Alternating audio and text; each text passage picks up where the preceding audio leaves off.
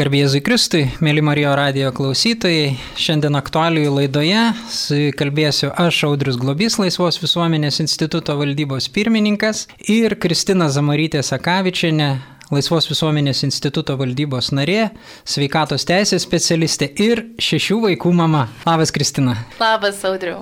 Šiandien kalbėsim laidoje didelio rezonanso mūsų visuomenėje susilaukusios, apie susilaukusią programą gyvenimo įgūdžių ugdymo programą. Spalio 10 dieną Seime vyko svarstymas dėl šitos programos pakeitimo. Gal Kristina, galėtum trumpai pakomentuoti pačią programą ir vad kas vyko Seime? Mhm. Man atrodo aktualu Marijos radio klausytojams. Gerai, tai tada verta pradėti nuo to, kad programa buvo priimta švietimo ir mokslo ministro įsakymu ir ji jau yra įsigaliojusi ir pagal ją turėtų būti rengiami, rengiami mokiniai mokyklose jau nuo rugsėjo mėnesio. Tačiau Seime buvo svarstoma ne pati šita gyvenimo įgūdžių programa, o švietimo įstatymo pataisa, kuri numatytų, kad ta pati jautriausia e, gyvenimo įgūdžių programos dalis, kuri yra susijusi būtent su litiškumo ugdymu, dėl kurios čia, na, ir kilo tie skandalai bei tėvų susirūpinimas, kad ši dalis būtų perkelta į tikybos ir etikos modulius mokyklose. Taip buvo sugalvota Seimo narių todėl, e, kad būtų galima suteikti galimybę pasirinkti tėvams, kokią litiškumo ugdymo programą arba kokio litiškumo ugdymo tipą pagal savo vertybinės pažiūras jie norėtų, kad jų mokiniai mokyklose gautų. Taip įsivaizdavo opozicijos Seimo nariai, kad Tai galėtų sudaryti galimybės tėvams vėliau pasirinkti kartu su vaiku, kokias vertybinės nuostatas būtent šitoje litiškumo dalyje bus dėgiama jų vaikams. Kristina, tiesiog noriu pasitikslinti, kadangi apie tą gyvenimo įgūdžių ugdymo programą labai daug kalbėta mhm. visuomenėje, mhm. gal konkrečiai apie ją šitoje laidoje nekalbėsim, bet čia aš kaip suprantu, Seimo nariai ieškojo sprendimo, ar ne, būtent į tos problemos sprendimą, kad tam tikrą dalį, kuri būtent yra apie apie litiškumo ūkdymą išimti iš šitos programos ir kad jinai galėtų būti pateikiama per dorinio ūkdymo ir per tikybos pamokas,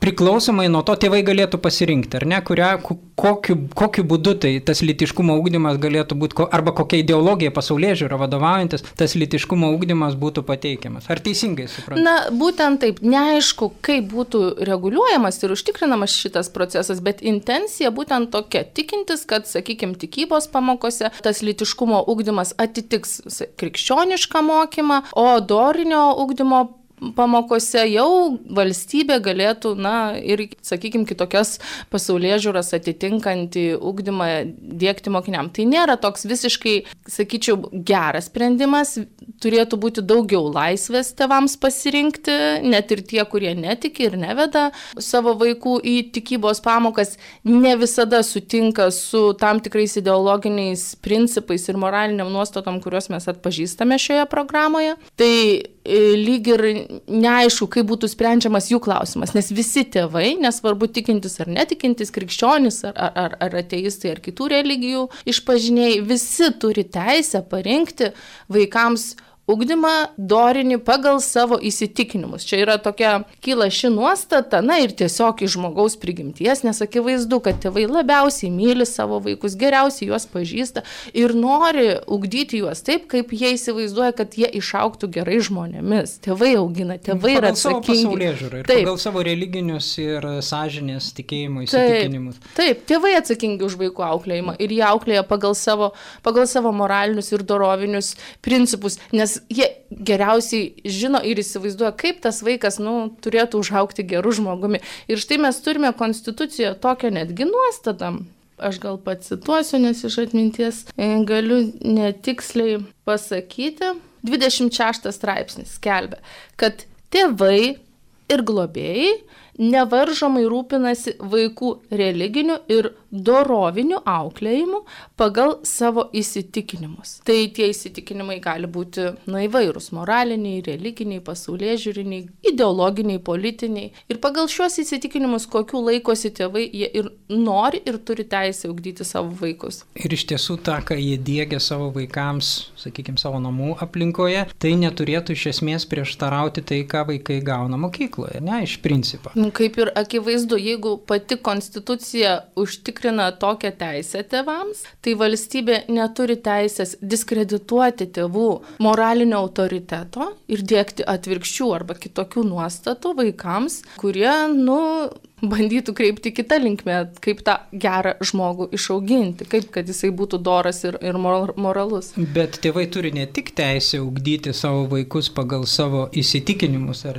religinius, ar sąžinės įsitikinimus, bet tuo pačiu jiems tenka ir pareiga pagal įstatymus. Iki pilnametystės jie visiškai atsako. Taip. Tai kaip jie bus formuojami tie vaikai, ar ne, iki pilnametystės visa pareiga, visa atsakomybė tenka tėvams. Taip, visa pareiga ir atsakomybė už pasiekmes akivaizdžiai akivaizdu, kad tenka tėvams tiek už kažkokius pažeidimus teisinius, tiek ir už kitas pasiekmes. Jeigu vaikas susižaloja, susirga, net galbūt jeigu nepilnametė tampa neščia, kas rūpinsis toliau tuo vaiku? Na, aišku, kad tėvai rūpinsis, tėvai atsakys už viską, visas neigiamas pasiekmes. Todėl, na, tėvai turi ir atsakomybę, kaip tą vaiką tinkamai ugdyti. Tai, Kristina, tai aš suprantu, reaguojant į visą visuomenį kilusi tokį nepasitenkinimą ir man atrodo vienas pagrindinių dalykų buvo tai, kad iš tiesų va, šita programa buvo taip labai plati, apimanti ir, kaip dauguma sakė, ir yra tam tikrų gerų dalykų, ar ne, kurie mhm. galėtų būti ugdomi ir perteikiami visiems vaikams, būtent būtent, bet būtent va šitas litiškumo ūkdymas, ar ne, tokį, susilaukė tokio visuomeniai didelio rezonanso ir Seimo nariai, Seimo narių dalis reagavo į tai, teikė labai konkretų pasiūlymą. Gal gali tada trumpai pakomentuoti šito pasiūlymo, jau truputį užsiminė, šito pasiūlymo esmę ir kaip tas balsavimas įvyko Seime mhm. ir kokias galim padaryti išvadas, nes manau, kad visuomeniai svarbu žinoti iš tiesų apie tai. Tai pasiūlymo esmė ir yra tokia, kad sudaryti bent kažkokią galimybę tėvams parinkti ugdymą vaikų litiškumo srityje pagal jų moralinius įsitikinimus. Nes tėvai ir Seimo nariai akivaizdžiai pamatė, kad šita programa, nepaisant rengėjų ir kai kurių politikų tvirtinimo, nėra vertybiškai neutrali. Jis yra paremta tam tikromis moralinio relativizmo, sakyčiau, nuostatomis. Tai grupė, gana didelė grupė Seimo narių, aš nevardinsiu. 30 berots Seimo narių. Mm, Turbūt. Ir jie, man atrodo, visi, be ne visi iš opozicijos yra. Pateikė būtent siūlymą tam, kad tėvai galėtų bent kažkokią apimtimi savo teisę parinkti dorovinį ūkdymą, realizuoti. Ypač tai liečia, kaip minėjau, krikščionius ir katalikus. Vyko balsavimas. Tai spalio 10 dieną vyko balsavimas dėl šito projekto pateikimo Seimui. Pateikimas tai tokia stadija, kai Seimas apsisprendžia, ar toliau svarstys šitą projektą. Ir buvo atmestas projektas, už nubalsavo 56 Seimo nariai, susilaikė 23 prieš 43. Kadangi susilaikantis skaičiuojami kartu su prieš balsais, tai neužteko balsų tų 56, kurie balsavo už, tam, kad projektas praeitų pateikimo stadiją ir Seimas toliau svarstytų. Tai žodžiu, jisai buvo atmestas ir iš viso dabartinė Seimo na, ta sudėtis nusprendė taip, kad tėvams Seimas galimybės parinkti savo tą dorovinį ugdymą savo vaikams nesuteiks. Ir žiūrėsim, kaip toliau ten vystysi su ta programa, klausimai aptarsim gal vėliau, bet dabar jeigu žiūrint į tuos balsavimus. Na, aš nenoriu vardinti čia pavardėmis politikų, gal tai ir nebūtų čia labai įdomu mm, klausytojams. Visa, visa išsami informacija, jeigu Marijos radio klausytojams yra įdomu, iš tikrųjų gali rasti Laisvos visuomenės instituto Facebook paskyroje ir, ir internetinėme puslapį, kas kaip balsavo, kokios partijos ir kaip kiekvienas narys. Bet va čia man atrodo dar vienas svarbus, mhm. Kristina, niuansas yra, nes jau kilintą kartą Seime susidurėm su tokiu, man atrodo, tam tikra manipulacija manipulacija, nes nu, didelė dalis Seimo narių, 24, jeigu neklystų, susilaikė, ar ne? Bet iš tiesų jie tikrai žino, kad susilaikydami jie balsuoja prieš ir jų balsai Taip. prisideda prieš. Tai čia tokia, sakyčiau, tarsi manipulacija. Tu nei už, nei prieš, bet iš tiesų tu prieš, ar ne esi? Taip, taip ir matome, nu, tų susilaikiusių, ne taip jau daug šį kartą buvo, daugiausia jų buvo uh, Tevinės sąjungos Lietuvos krikščionių demokratų frakcijoje 15 ir dar 24 prieš. Tai iš viso 39 balsai, nu, čia žiauriai reikšminga didžioji dalis visų balsų, iš tikrųjų buvo skaičiuojami kaip prieš būtent šios frakcijos narių. Dar žinau, kad buvo tokių Seimo narių, pora iš Seimo narių iš šios frakcijos, kurie buvo Seimo salėje, bet iš viso nebalsavo. Tai nei susilaikė, nei kaip kitaip nepareiškė nuomonę. Tiesiog e, bijojo, kad visuomenė pamatytų jų nuomonę arba taip, kaip jie norėtų balsuoti, kažkodėl jie negalėjo tai balsuoti, ar ne? Nu, bet ir čia neaišku, kokie čia gali būti interesai artėjant rinkimams, kodėl jiems taip sunku deklaruoti tą savo poziciją balsavimu ir palaikyti vieną ar kitą pusę. Jo. Nežinau, ar čia verta gilintis į, į, į kitas, kitas. Faktas yra toks, kad iš tiesų buvo tai pateiktas pasiūlymas, kaip spręsti šitą situaciją,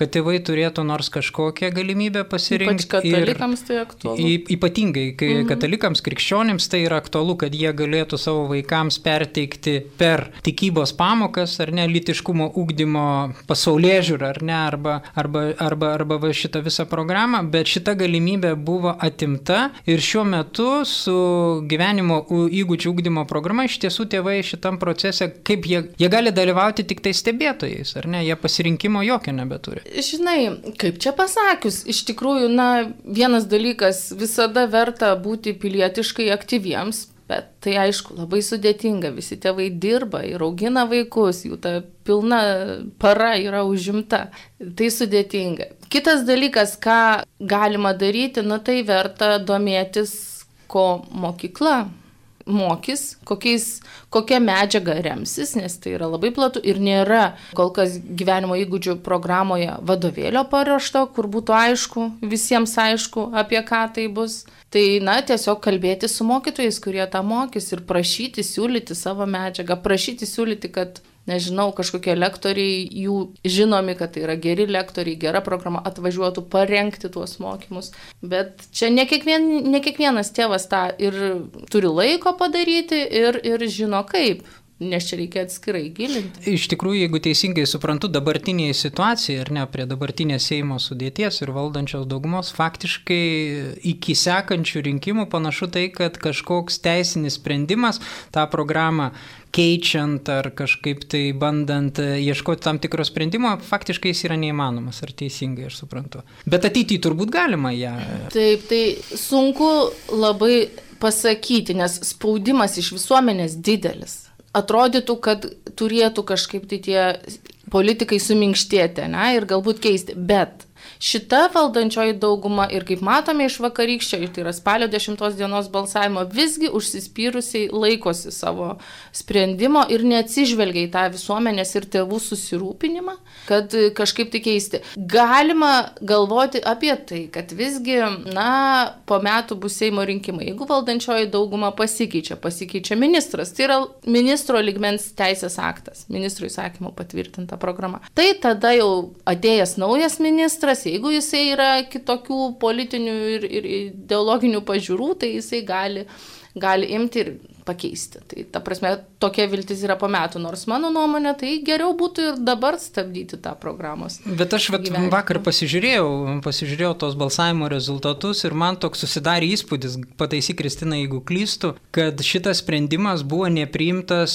save krikščionimis pristatančiais balsais. Iš tikrųjų, nes matosi, kad labai, aš irgi nenoriu minėti pavardėm, Marijo radio klausytojai, kurie, kurie domisi tuo klausimu, gali pasižiūrėti, ar ne, mhm. iš tikrųjų, kas kaip balsavo.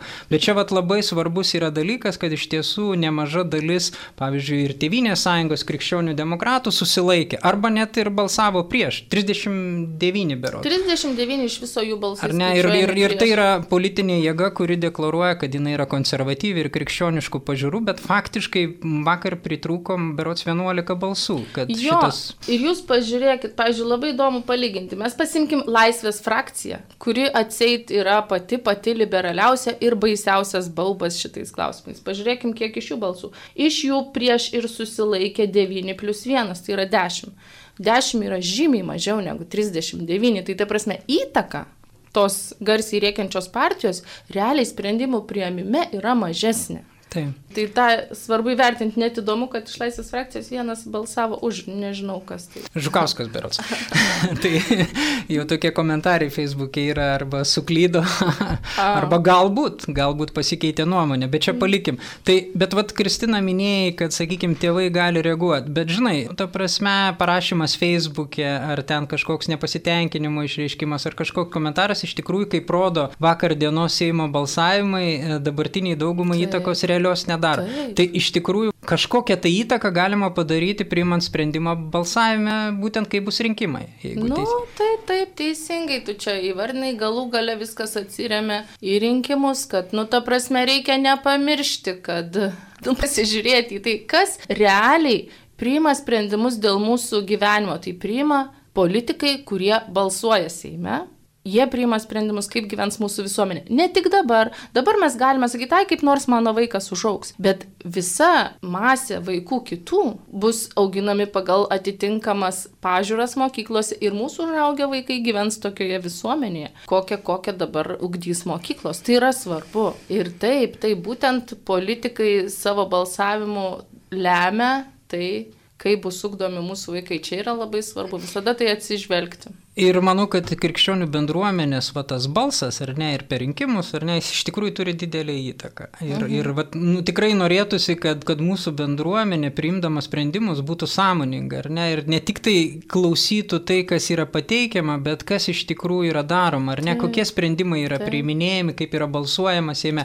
Bet gal sugrįžkim, Kristina, atgal prie mhm. gyvenimo įgūdžių ugdymo programos. Kas tavo nuomonė, kaip uh, sveikatos teisės specialistės, nes studijavai tai ir turi tam tikrą darbo patirtį šitoj srity ir kas man atrodo irgi labai svarbu, kaip šešių vaikų mamos ar ne, kas yra negerai su šita. Vat grinai tavo asmeninė nuomonė. Kaip mamos ir kaip specialistės, kaip teisininkės ar ne. Galima daug kalbėti apie atskiras problemas šitos programos, bet gal norisi pradėti plačiau nuo to, kaip ji pristatoma. Jis pristatoma viešojoje erdvėje tiek politikų, tiek tos programos rengėjų kaip grinai grįsta mokslu ir kaip vertybiškai neutrali. Nu, iš tiesų ten tikrai bandyta vertybės paslėpti, bet mes vėliau galėsim pakalbėti apie jas. Ir tas pristatymas, kad čia yra grinas mokslas, vien tik tai mokslas, sudaro tokį įspūdį, kad tie, kurie priešinasi, neva yra tamsuoliai, ir netikintis, kabutėse, netikintis tuo mokslu, nenorintis mokslo šviesos, o norintis gyventi kažkokiose tamsybėse ir palikti savo vaikus. Tai Žinai, iš... Kristina, aš atsiprašau, kad pertrauksiu, bet tą, ką tu dabar pasakai, man 51 metai, aš jau tą kažkur girdėjau. ir girdėjau tai... savo mokykloje.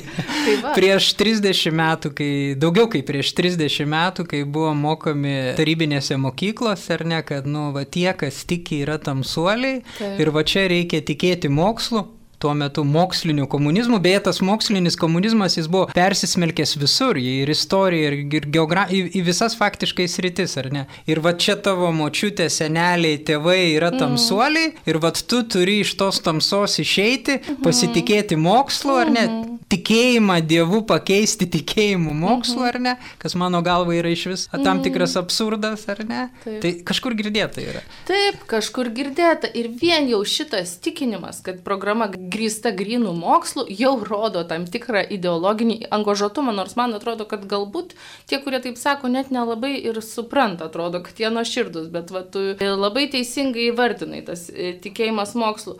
Dabar kas yra tas mokslas? Mokslas šiaip yra labai galingas fainas, įdomus dalykas. Aš tai šiaip labai myliu mokslo atradimus nuo vaikystės, jais žavėjausi ir, ir, ir, ir iš principo neturiu nieko prieš mokslą, bet ne nieko, bet iš principo aš jį vertinu kaip gerą ir svarbų dalyką, bet reikia į jį žiūrėti kritiškai, todėl kad mokslas nėra kažkokia statinė žinių ar tiesų visuma, va, tai yra taip ir niekaip kitaip. Tai yra toks nuolatinis hipotezių kelimo ir tikrinimo procesas, nuolatinis dinamiškas procesas, kur niekada nėra galutinis, bet visada juda į priekį, bet Kartais dėl tam tikrų priežasčių, politinių, finansinių, komercinių interesų jis gali judėti ir ne į priekį, gali pasukti į šoną stipriai ar net ir apsisukti atgal, kaip mes, pavyzdžiui, matom dėl lyčių, kas atsitiko su mūsų mokslo, ne? Tai, Kai... tai žiūrėk, nu, tai aš jeigu teisingai suprantu, ar ne, nu, mes buvome mokomi mokykloje, net ir tarybinėje mokykloje, ar ne, kad yra dvi biologinės lytis, ar ne, kažkas iškėlė hipotezę,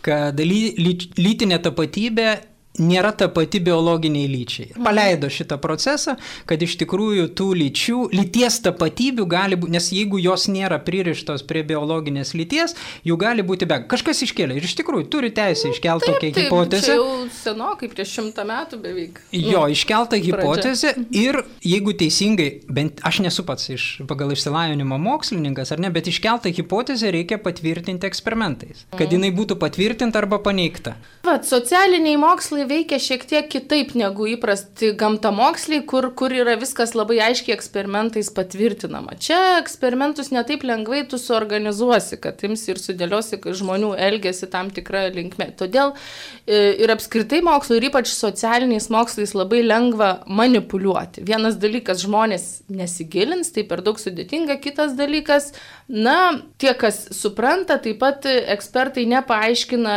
kitiems. Ir mes matome tokį dalyką, kad tokia tendencija, kad ypač socialiniuose moksluose jis tampa vis labiau e, ideologizuotas ir naudojamas kaip įrankis ne tiek atrasti, kaip veikia visuomenė, socialinė sistema, bet patvirtinti tam tikras iš ankstinės politinės, ideologinės nuostatas, na, ar pasiekiant kažkokių tai tikslų, pavyzdžiui, finansinių.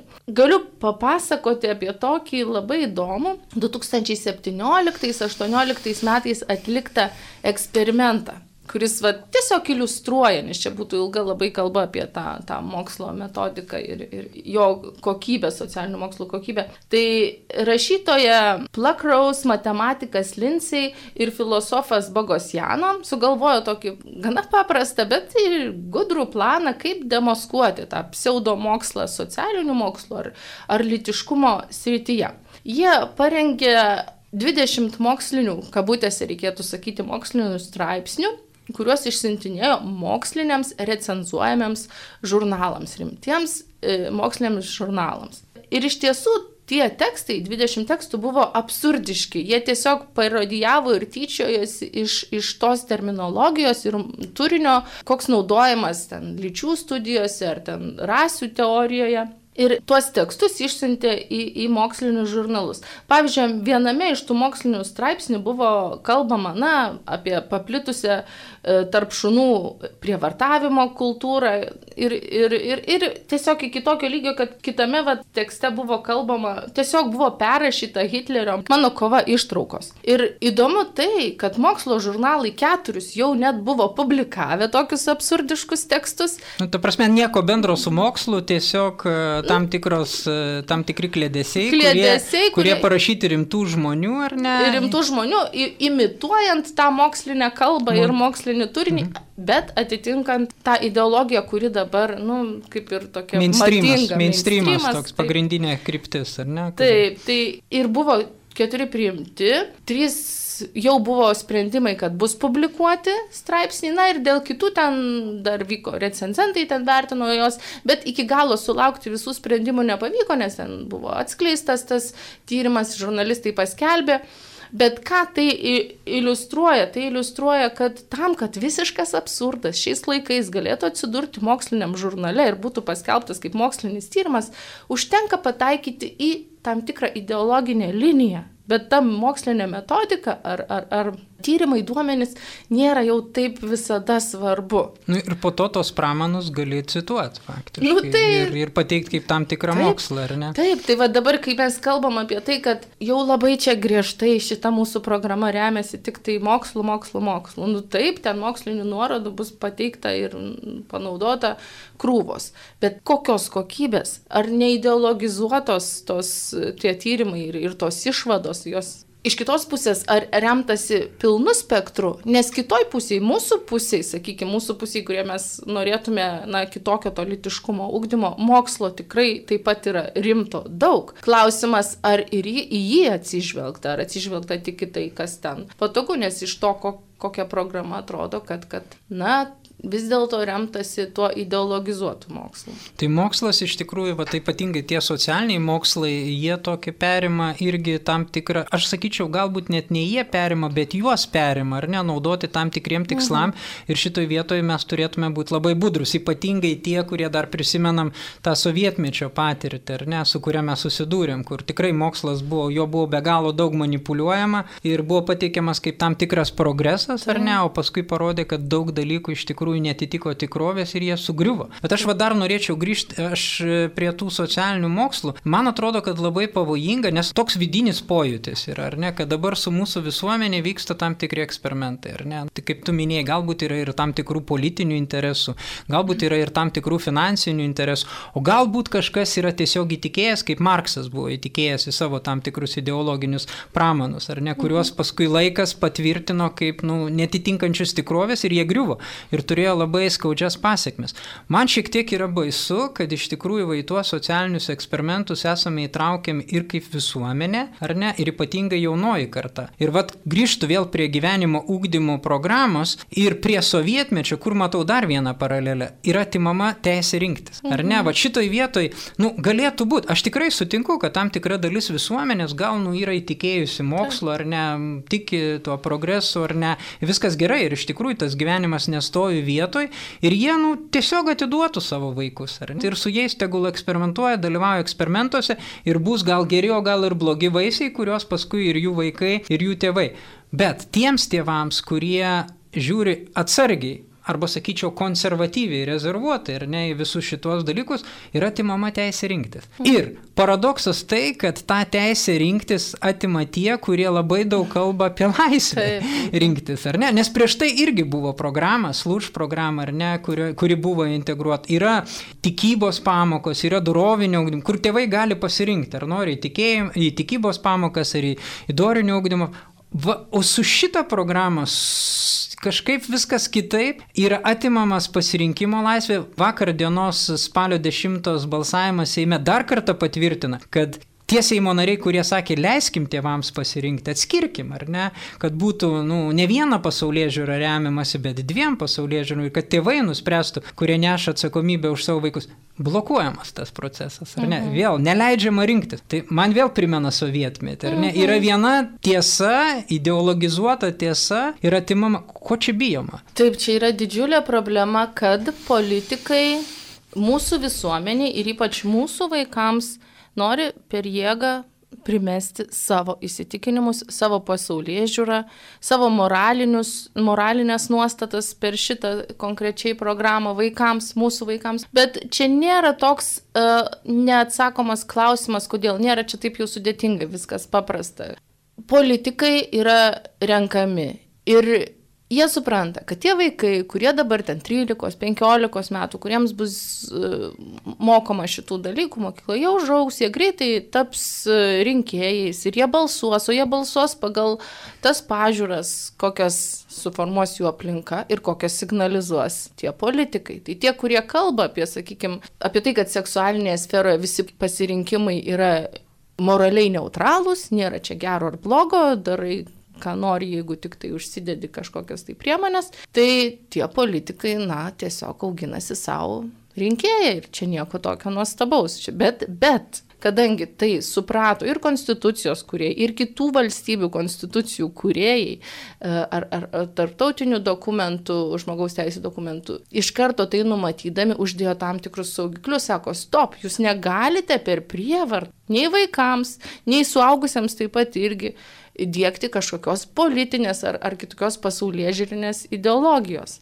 Jis turi būti laisvai pasirenkama, mes visi turime sąžinės laisvę turime įsitikinimų laisvę ir turime teisę pagal savo moralinius įsitikinimus auginti savo vaikus. Šita riba su šita programa ir ypač vakarykščių Seimo balsavimų, na taip atrodo, pas mus nepaisoma jos žmogaus teisės. Tai čia, čia vėl tokios, sakyčiau, manipulacijos, manipolitika, ar ne? Kalbama viena, o daroma kita. Kalbama labai daug apie teisės viršenybę, bet ta teisė peinama, konstitucija, pavyzdžiui, mhm. ateinama. Ar ne, nes galėtų priimti tam tikrus sprendimus įstatymų lygmenį, priimami ministrų lygmenyje. Tai. Taip, bet čia iš tikrųjų, man atrodo, yra tokia, galbūt ne šios laidos tema, bet čia yra labai pavojinga situacija, ypatingai dabar dabartinių geopolitinių procesų lygmenyje. Nes visuomenėje, visuomenėje mes savo prigimtį, nemaža dalis visuomenės atpažįsta tą netiesą, tas manipulacijas, ar ne? Ir čia galimas tam tikras toks vidinis pykčio proveržis, ar ne, kuris, kuris irgi gali nutikti. Man, man, man tai aš matau čia tokius tendencijas. Ir...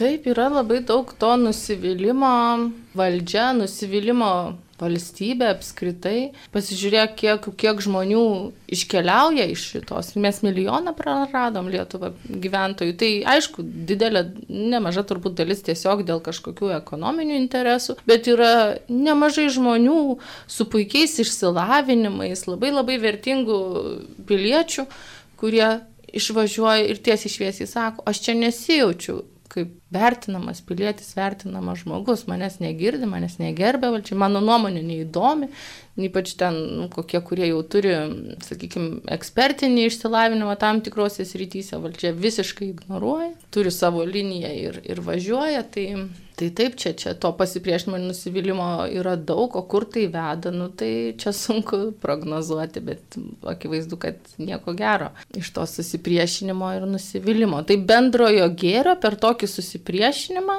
ir per prievartavimą piliečių kurti nepavyks. Čia kuriami kažkokie interesai kažkam, Bet ne, ne bendras visos visuomenės. Gėris, Bet iš tikrųjų, kadangi gyvenam, ačiū Dievui, e, laisvoji demokratiniai visuomeniai ir turėtume turėti pasirinkimo laisvę, iš tikrųjų, nu, vienintelis būdas išreikšti savo tokią, nu, kaip sakyti, tvirtą poziciją yra, nu, rinkimai, balsavimas, -huh. ar ne? Mhm. Kitais metais turim rinkimus, ar ne? Net kur du, galim. Tris, tris, nes tai tris, Europos. Iš tikrųjų, e, e, ret, reti metai, ar ne? Į vienus metus Taip. eina ir man atrodo yra tam tikras toks, nu, kaip pasakyti, labai svarbus lūžio taškas, ar ne, kur mūsų visuomenė pajudės.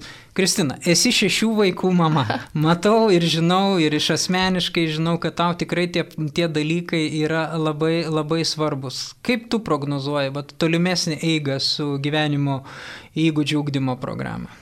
Žinok, man taip sunku kažką pasakyti, nes norisi turėti vilties ir duoti klausytojams vilties, kad galbūt vat, geranoriškai politikai išgirs, nu nes taipgi turėtų būti, atrodo, nu kaip gali negirdėti tėvų, jeigu privalo būtent į tėvų nuomonę atsižvelgti. Bet neatsižvelgia, neatsižvelgia tada, kai buvo rengiama programa, tėvų organizacijos siuntė ten, kreipėsi ir visai bandė pakeisti. Neatsižvelgia, atrodo, ignoruoja ir dabar. Tai dėl to Negaliu pasakyti, kaip bus, kad, bet, bet tikiuosi ir turiu vilties, kad um, po rinkimų bus galima pakeisti ir šią programą ir ne vien tik ją. Nu, ši valdančioji dauguma būtent per ministrų įsakymus, ne per Seimą, nes per Seimą tai yra tai sudėtingiau, priėmė daug tokių pasiūlymų, kurie katalikams atrodo ypatingai, nu, moraliai blogi.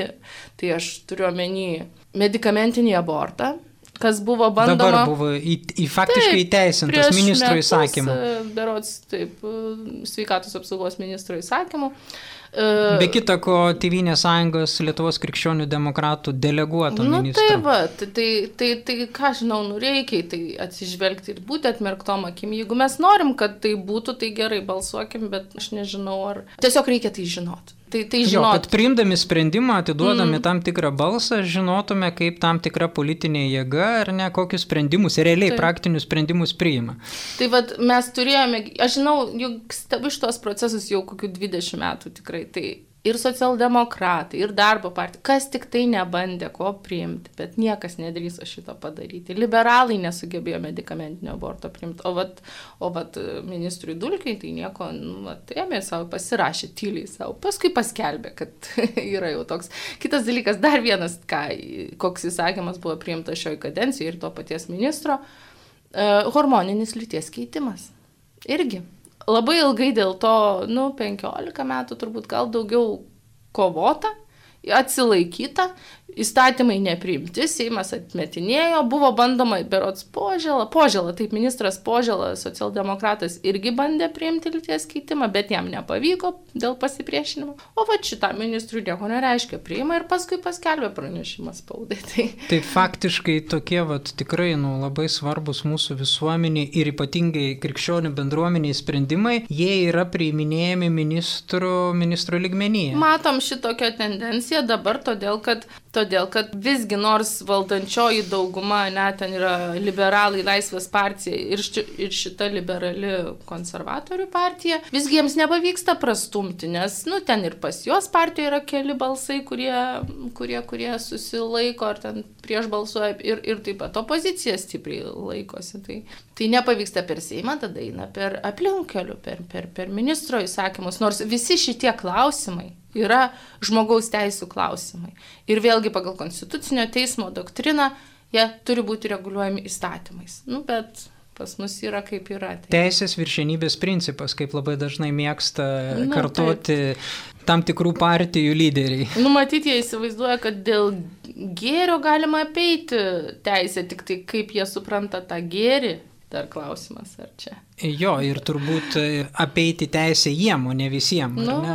Bet nes čia labai, lab, kaip sakyti, čia atidarimas tokios Pandoros skrinios yra, nes nu, mm. gali ateiti kita politinė jėga ir taip pat pradės. Man atrodo, kad mm. nu, čia yra labai pavojingi procesai, kurie yra paleidžiami visuomenėje, nes nu, čia tada eina į tam tikrą suprisipriešinimą manipulaciją ir iš tikrųjų griūva laisvos demokratinės ir teisinės valstybės pagrindas? Tai iš tiesų per šią kadenciją nemažai to buvo buvo padaryta. Aš manau, kad taip, aš tau tiesiog pritariu. Nenoriu čia labai skūstis, vis tiek kažkaip tai kol kas gyvenam gerai, bet jo, jeigu žiūrint į tuos moraliai svarbius sprendimus, labai daug blogo padaryta per šią kadenciją ir, nu, tikimės, kad dar tuos metus atsilaikysim ir, ir tų galutinių ten civilinės sąjungos, Stambulo konvencijos ne, nebus priimti įstatymai. Nepykantos kurie, kalbos. Taip, ne, kurie, kurie jau būtų neatgrėžiami, nu, ta, daug sunkiau atgrėžiami, ypač civilinės sąjungos, tai neatgrėžiamas. Jo, nes, nu, įstatymas, kai priimtas, paleidžiamas procesas, jį paskui sunku, ministro įsakymas vis dėlto. Nu, Ateina ministras kitas ir jis gali pakeisti, jeigu jie. Arba net įstatymų, jeigu susidaro tam tikra Seimo dauguma, Taip. galima net ir įstatymų įtvirtinti tam tikrus dalykus, kuriuos Taip. po to būtų sudėtingiau sudėtingiau, ar ne? Sudėtingiau. Tai, mėly Marijo radijo klausytojai, šiandien laidoje aktualiųjų laidoje kalbėjome apie gyvenimo įgūdžių ūkdymo programą ir laidoje dalyvau aš, Audrius Globys, Laisvos visuomenės instituto valdybos pirmininkas ir to paties instituto valdybos narė, sveikatos teisės specialistė Kristina Zamarytė Sakavičianė.